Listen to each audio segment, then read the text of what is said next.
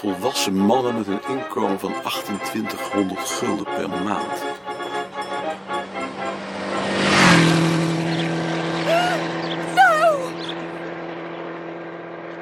Is het een jonge mus? Is he not okay? I'll take him home and feed him up. Thank you. Wat zou er nodig zijn om mij zo'n gebaar ondubbelzinnig en rechtuit te laten maken, dacht hij, terwijl hij met de mus voorzichtig in zijn hand terugliep naar het bureau. Het zou mijn werk moeten zijn, in opdracht van het Rijk, tussen negen en vijf, zodat iedere minuut verantwoord was door een van buitenaf opgelegde orde.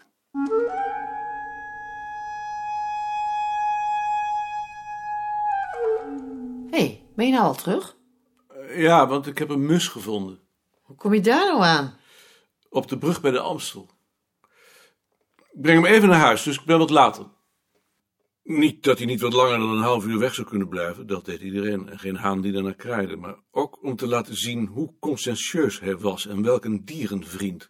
Zo'n grote dierenvriend dat hij ter wille van een dier de ijzeren wet dat de middagpauze niet langer mocht duren dan een half uur opzij zette. Maar dat bedacht hij pas toen hij alweer onderweg was naar huis. Niettemin haastte hij zich.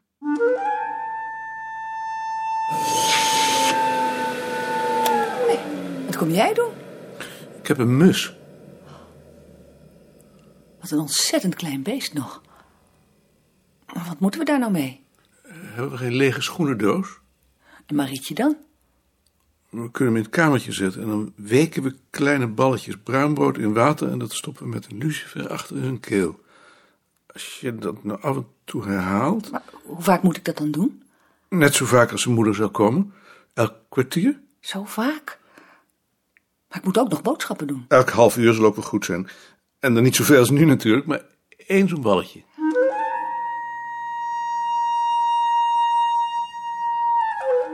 Ik heb een mus gevonden. Die houd je nooit in leven. Ik ben er ook bang voor. Hoe was het nou met hem?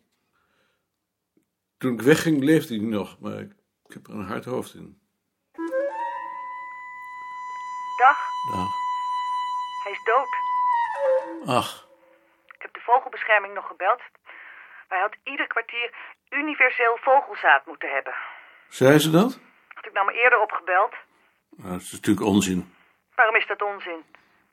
In de eerste plaats heb je niet eerder opgebeld en voordat je het in huis had gehad was het ook te laat geweest. En toch had ik eerder moeten opbellen. Dat had ik dan moeten doen. Nee, want jij bent op je werk. Dat is onzin. Het werk is natuurlijk niks. Ik denk dat ik er maar een beetje om ga huilen. Doe dat nou maar niet. Daar schiet je niks meer op. Maar ik doe het toch. Niet doen hoor. Dag. De mus is dood. Zie je wel, die houd je niet in leven.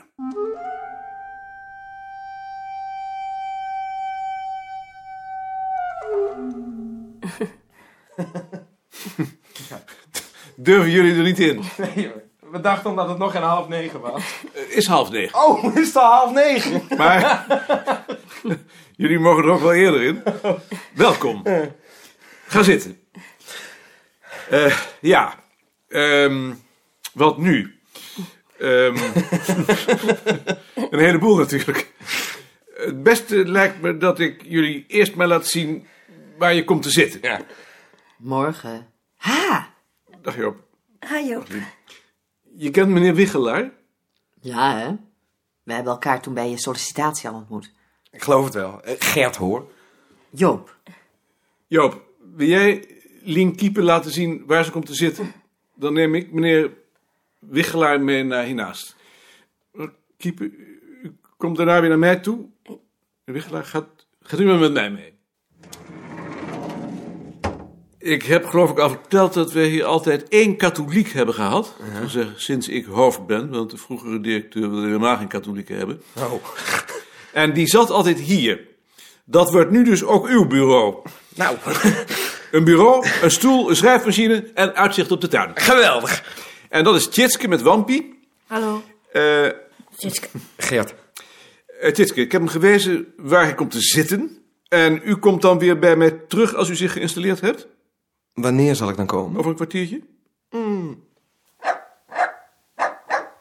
Wampie. Hallo, Wampie. Ja. Dag Maarten. Zijn de dame en de heer al eh, gearriveerd? Ze zijn zich aan het installeren. En moet er nu nog iets geregeld worden? Ehm, ik wou vanochtend beginnen met de systemen. En vanmiddag wou ik ze iets vertellen over de geschiedenis van het vak. Maar daar wou ik nog met jullie over praten. Wa- wanneer wil je dat dan doen? Na de eerste koffie? Dag Maarten, dag Bart. Dag Ad.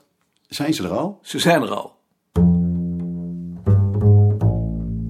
Het lijkt me het beste dat we maar aan de bezoekerstafel gaan zitten. Dan eh, storen we het minst. Eh, we komen hier maar even zitten. Dat is goed. Ehm, dat is het bureau van Sien. Die is op het ogenblik met vakantie, maar die komt vanzelf terug, hopen we.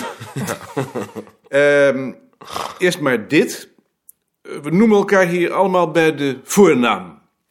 Ik heet Maarten. Ik begrijp wel dat het voor jullie misschien wat moeilijk is, omdat ik zoveel ouder ben. Je mag me ook best meneer Koning blijven noemen als je dat gemakkelijk vindt, maar je mag me dus Maarten noemen. En ik noem jullie dus in ieder geval Lien en Gert. En nu het werk. Ik heb jullie al verteld dat we een eigen tijdschrift hebben. Daarvan zijn nu vijf afleveringen verschenen. Ik heb voor jullie allebei een set, die mag je houden. Voortaan is het ook jullie tijdschrift. En dan wat het werk betreft. We hebben hier een aantal systemen. Die moeten jullie eerst leren kennen. Dat zijn in de eerste plaats de trefwoordencatalogus, het knipselarchief, het handschriftarchief en het volksverhaalarchief. De bedoeling is dat Joop jullie straks wegwijs maakt in de trefwoordencatalogus. En dat Tjitske jullie morgen het knipselarchief laat zien. Ja. Het eerste wat jullie zullen moeten leren is de systematiek van het knipselarchief. Dan krijg je bovendien een eerste overzicht van de onderwerpen waar we ons mee bezig houden. Eh, om daarin thuis te raken, krijgen jullie ieder, elke dag 15 knipsels om te rubriceren. Die worden gecontroleerd en besproken. Eh, nou, daar hebben we het nog wel over.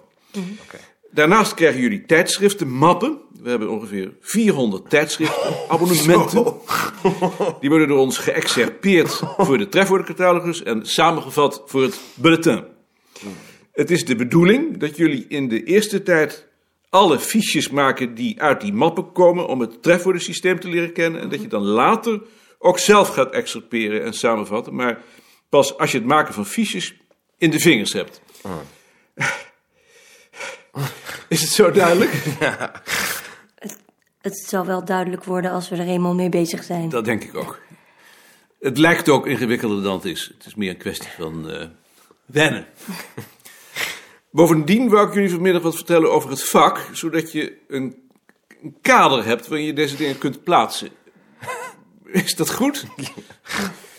Ja, het is natuurlijk goed. Ja, wat moet je daarop zeggen? Nou, we gaan nu eerst even naar Balk, dan weet hij dat jullie er zijn. En dan zal ik Joop vragen om het hele gebouw met jullie rond te gaan. Ik ga melk halen. Willen jullie ook melk? We halen hier om beurtenmelk. Ik heb een thermosfles bij me. Maar, maar nee, geef, geef me toch maar melk. Of, of, of mag ik morgen ook nog meedoen? Ja hoor. Nou, dan nog maar niet. Dankjewel. Ik wil wel graag een halfje karnemelk. Ja, eigenlijk kan ik ook wel een halfje melk nemen. Geef toch maar. Je hoeft niet hoor. Nee? Nou, dan toch maar niet. Zullen we dan eerst even naar Balk gaan? Ehm, ik had gedacht dat het misschien goed zou zijn als ze van ons een inleiding kregen in het vak.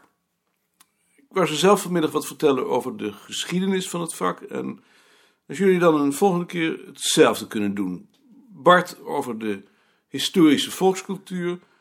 Ad over het volksverhaal onderzoeken. En Sien over de atlas. Krijgen ze een eh, algemeen overzicht en dan leren ze ons meteen een beetje kennen. Eh, Ik zie niet in wat je daarmee denkt te bereiken. Dat hebben we in de tijd met Joop en Tjitske toch ook niet gedaan? Toen hadden we nog geen tijdschrift. Ik dacht dat ze waren aangesteld voor de documentatie. Maar ook om straks artikelen te schrijven als ze daarvoor geschikt blijken. Daar ben ik dan beslist op tegen. Want dat betekent dat wij straks weer de werkzaamheden van de documentatie zitten te doen. En daar zou nu juist eindelijk eens een eind aan komen. Je kunt mensen niet eindeloos laten documenteren als ze meer kunnen. Dan had je ze niet moeten aanstellen. Ik was er ook tegen om zulke hoogopgeleide mensen aan te stellen. Ik was er een voorstander van om mensen te zoeken die bereid zijn om lichte administratieve werkzaamheden te verrichten. Die kunnen dit werk niet. Nou, dan moet je mensen nemen die dat wel kunnen. Bovendien vind ik dat mensen moeten weten waarom ze iets doen. Nou, dat heb je Joop en Tjitske ook niet uitgelegd. Omdat we er toen nog niet aan toe waren. Dus je doet niet mee? Nee. Als jij zo graag professor wilt spelen, dan ga je je gang maar. Maar ik vind dat ze eerst maar eens hun administratieve taken feilloos onder de knieën moeten zien te krijgen. En jij, Ad? Ik wil wel meedoen.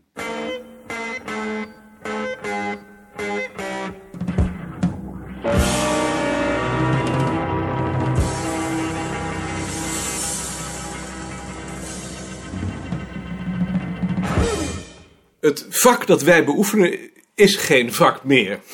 Het beste wat je ervan zeggen kunt is dat het een vak geweest is, maar dat de afgelopen tien jaar de grondslag onderuit is gehaald, zodat we alleen nog maar met de resten zitten.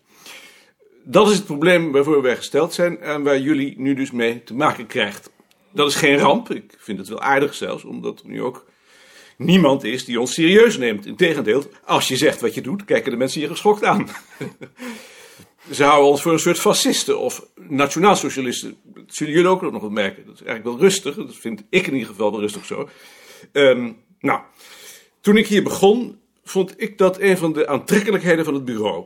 Je leeft in de schaduw. In het beste geval moeten de mensen een beetje om je lachen. Daarom vroeg ik bij de sollicitatie ook aan Gert of hij gevoel voor humor heeft. Als je geen gevoel voor humor hebt, dan hou je het hier niet vol. Maar we moeten ons wel handhaven natuurlijk. Is allemaal wel leuk, maar het is ook bittere ernst. Zoals het leven is dus. Ehm, een inleiding tot het vak zoals dat voor de oorlog werd gezien, vind je in dit boekje. Jullie mogen dat houden. Het is van de man die voor de oorlog voorzitter van de commissie was. Die man is fout geweest, zoals heel veel mensen die zich toen met ons vak bezighielden. Maar dat maakt het niet minder interessant, omdat de ideeën die deze man had veel wijder verspreid waren. Cultuurhistorisch gezien is het een heel interessant boekje. Ik vind het in ieder geval fascinerend. En ik zal jullie straks voorstellen om het voor een volgende keer te lezen, zodat we er nog een keer over kunnen praten. Het vak dus. Ehm, je zou kunnen zeggen dat het een product is van het opkomende Duitse nationalisme in het begin van de 19e eeuw. Een reactie ook op de Romaanse hegemonie die onder Napoleon een hoogtepunt had bereikt, waar tegenover men een Germaanse tegencultuur wilde stellen. Ons vak is een bij uitstek Germaans vak dat je eigenlijk alleen in de Germaanse en Slavische landen aantreft, al ligt het laatste iets anders, en dat daarbuiten meer het karakter heeft van de etnologie, zonder de ideologische ballast waarmee wij te maken hebben.